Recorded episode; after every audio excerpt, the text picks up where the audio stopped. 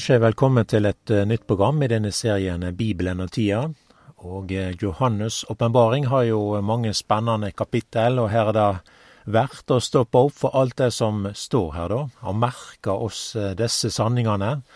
De er jo til ettertanke, til etterfølgelse, og det er opplysende. Og så er det òg en velsignelse for den som leser, og det står jo sånn i innledningsvis til eh, Bibelens siste bok, i Åpenbaringen 1 og vers 3, at sel er den som les, og de som hører det profetiske ordet, og tek vare på det som står skrevet der, for tida er nær. Og eh, i Johannes' åpenbaring så er det jo mange sånne paralleller, på en måte. I kapittel 6 og i kapittel 19 der er det omtalt en hvit hest og en rytter på denne hesten. Og de har mange ting som er likt her, da, men allikevel så er de ulike. Det kan se ut som at den ene prøver å etterligne eh, det sanne og det ekte. Og det er jo også sånn det er i mange anledninger, og vi ser det også mange andre plasser i Bibelen. Rytteren på den hvite hesten i kapittel 19 er ei skildring når Jesus kjem igjen tilbake til verden. I åpenbaringen 17 eh, der er det omtalt ei kvinne, men det er også omtalt i kapittel 19. Det er stor forskjell på disse kvinnene. Den ene blir omtalt som ei skjøkje, den andre som lammets hustru. I Johannes' åpenbaring er det omtalt to byer. Den ene byen er omtalt som Babylon, og vi har det nye Jerusalem. Og da er jo spørsmålet hvem av disse byene bor med? Og eh, hvem av disse byene er det vi kjenner oss mest heime i? Vi kan jo også stille det samme spørsmålet angående disse to kvinner som er omtalt. Hvem av disse er det vi eh, søker, da? Er det sjøkja, eller er det bruden? Hvem er det vi følger? Er det lammet, eller er det det falske, Satan og djevelen? Vi har lest litt her fra kapittel 17 om kvinner som rir på et dyr, og så er det skrevet et navn på panna hennes. I vers 4 her i Åpenbaringen 17. Kvinna var kledd i purpur og skarlakk og var prydd med gull og edelsteiner og perler. I handa si heldt ho et gullstøyp full av styggedom og urenskapen for horelivet hennar. På panna hennar var det skrevet et navn, en løgndom. Babylon den store, mor til skjøkene og til styggedommene på jorda. Jeg så kvinna som var drukken av blodet til ei heilage og av blodet til Jesu vitne. Og eg undra meg storleg da jeg så henne. Vi leste om Babylon. Dette er da en by som eh, har stått sentralt fra tidligere tider. Det lå i et område rundt Iraks hovedstad, Bagdad. Og fra Bibelen så kjenner jo vi òg eh, eh, mye til jødene som var tatt som fanger fra Juda og Jerusalem og ført til Babel, eller Babylon. Og dette blir jo også sagt ved profetene.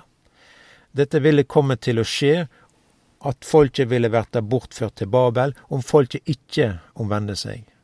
Profetene sa også da at eh, de ville få et opphold der på 70 år.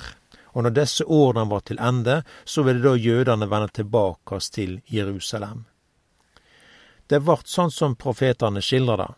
Og en av disse personene som ble bortført til Babel, var blant annet Daniel, og det er jo mange rike skildringer ifra Daniels liv som vi har ifra Bibelen vår. Det samme kan vi også si om profeten Esekiel. Han var òg blant de bortførte. Og begge disse profetbøkene i Bibelen, profeten Daniel og profeten Esekiel, er viktige og opplysende sanninger knytta til endetida sine begivenheter. Og det er mange paralleller mellom Daniels boke og Johannes' åpenbaring. Det var jo Nebukaneser eh, vi kanskje knytter mest tanke til angående Babylon. Og dette her er jo da en stad som da lå i Irak. Vi kan legge merke til at Babylons rike blir omtalt som hode av gull. Det er Daniel som skildrer dette her. Det var Nebukadneser som hadde en drøm, og kongens ordre var at han ikke bare skulle forklare hva kongen hadde eh, drømt om, men han skulle også seie hva han hadde drømt. Og dette her gjorde da Daniel for kongen, og han sier det sånn til kongen. Og dette er jo da skildra i eh, profeten Daniel kapittel 2, også vers 31. Konge, i synet så du en veldig, ei veldig billedstøtte. Den var ei overlag stor billedstøtte. Hun skein med ein strålande glans. Hun sto beint framfor deg og var skremmeleg å sjå. Hovedet på billedstøtta var av eh, fint gull, brøstet og armene av sølv og buken og hoftene av kåper. Eh, dette er jo noe som er sagt, da, eh, som da er den første delen av billedstøtta her, da så forklarer da Daniel kongen hva dette betyr. Og jeg leste òg det som er sagt om hovedet, og det står her i vers 36. Det var draumen. Nå skal vi fortelja kongen hva han tyder. Konge, du er kongen over kongene. Himmelens Gud har gjeve deg rike og makta og styrken og æra.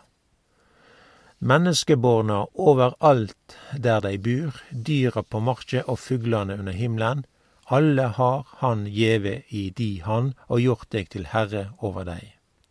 Du er hovedet av gull, sier Daniel til Nebukanesaren. Og denne billedstøtta, den har jo til sammen fire deler, og det representerer fire verdensriker. Men det som er hovedet bak alt dette her, alle rikene, tanke og visjon, altså det er hovedet. For det er hovedet, altså det er, det er Babel, altså det er det som er sjølve saken, det er der alt fungerer ifra.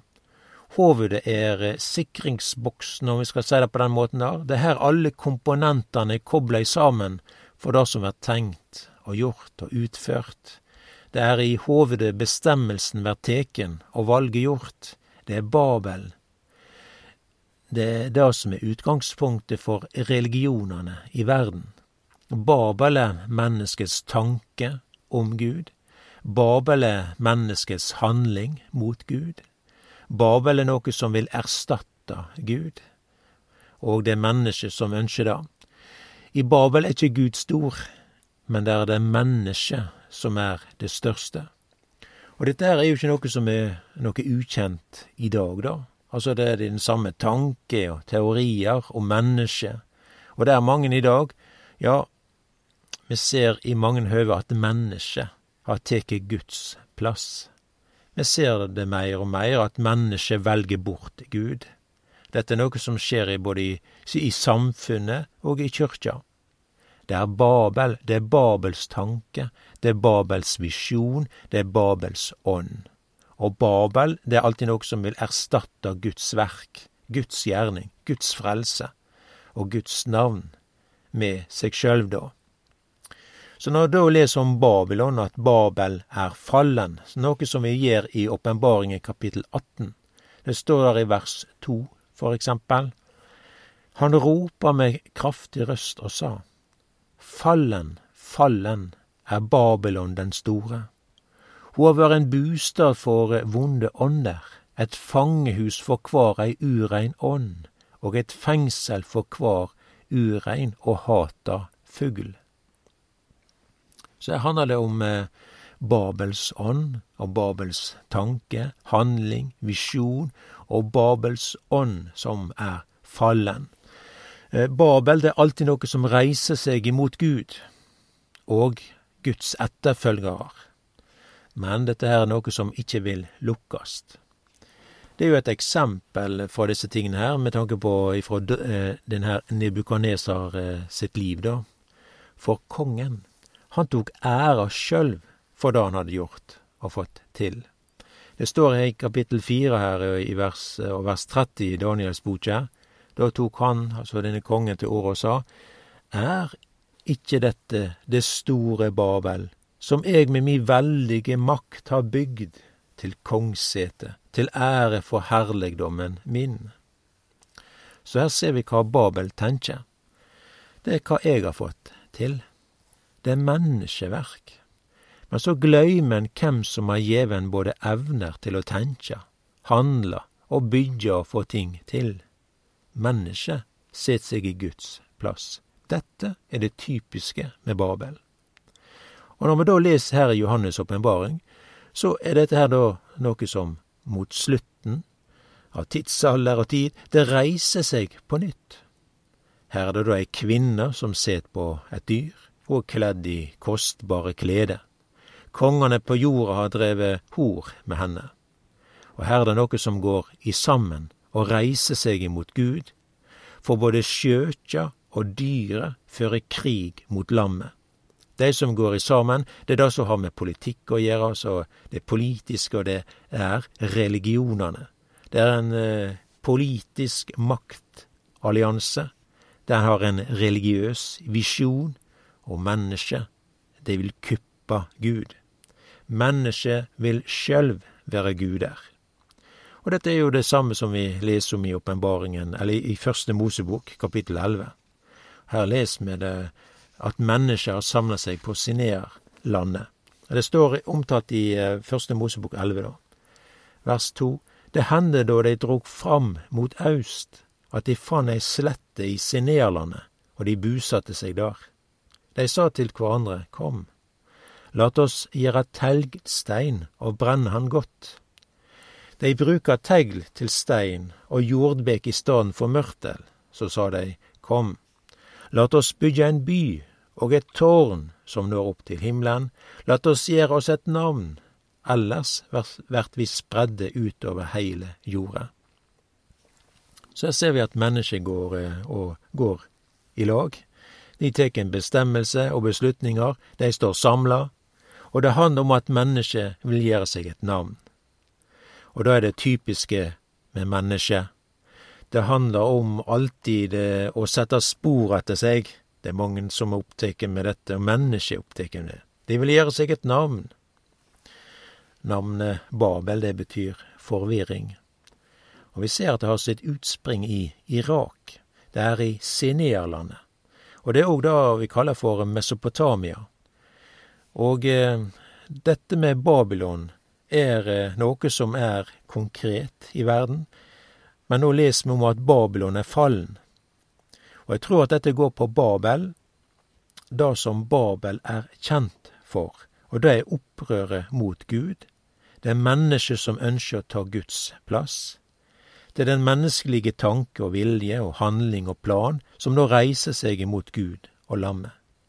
Vi leser at kvinner rir på et dyr, og dette er da en blanding av politikk og religion. Babel, det er forvirring.